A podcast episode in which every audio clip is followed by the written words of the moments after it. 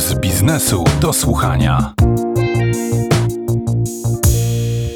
Firmy rodzinne są specyficzne.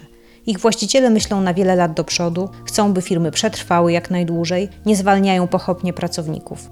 Ponieważ w Polsce na ogół istnieją dopiero od dwóch pokoleń, wiele o sukcesji muszą się nauczyć, często na własnej skórze. Mogliście usłyszeć, jak to robią, czego potrzebują, żeby szło to sprawniej, jakich błędów nie chcą popełniać.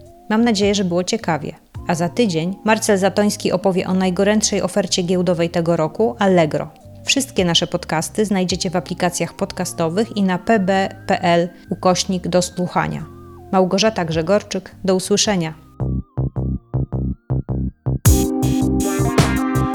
Puls biznesu do słuchania.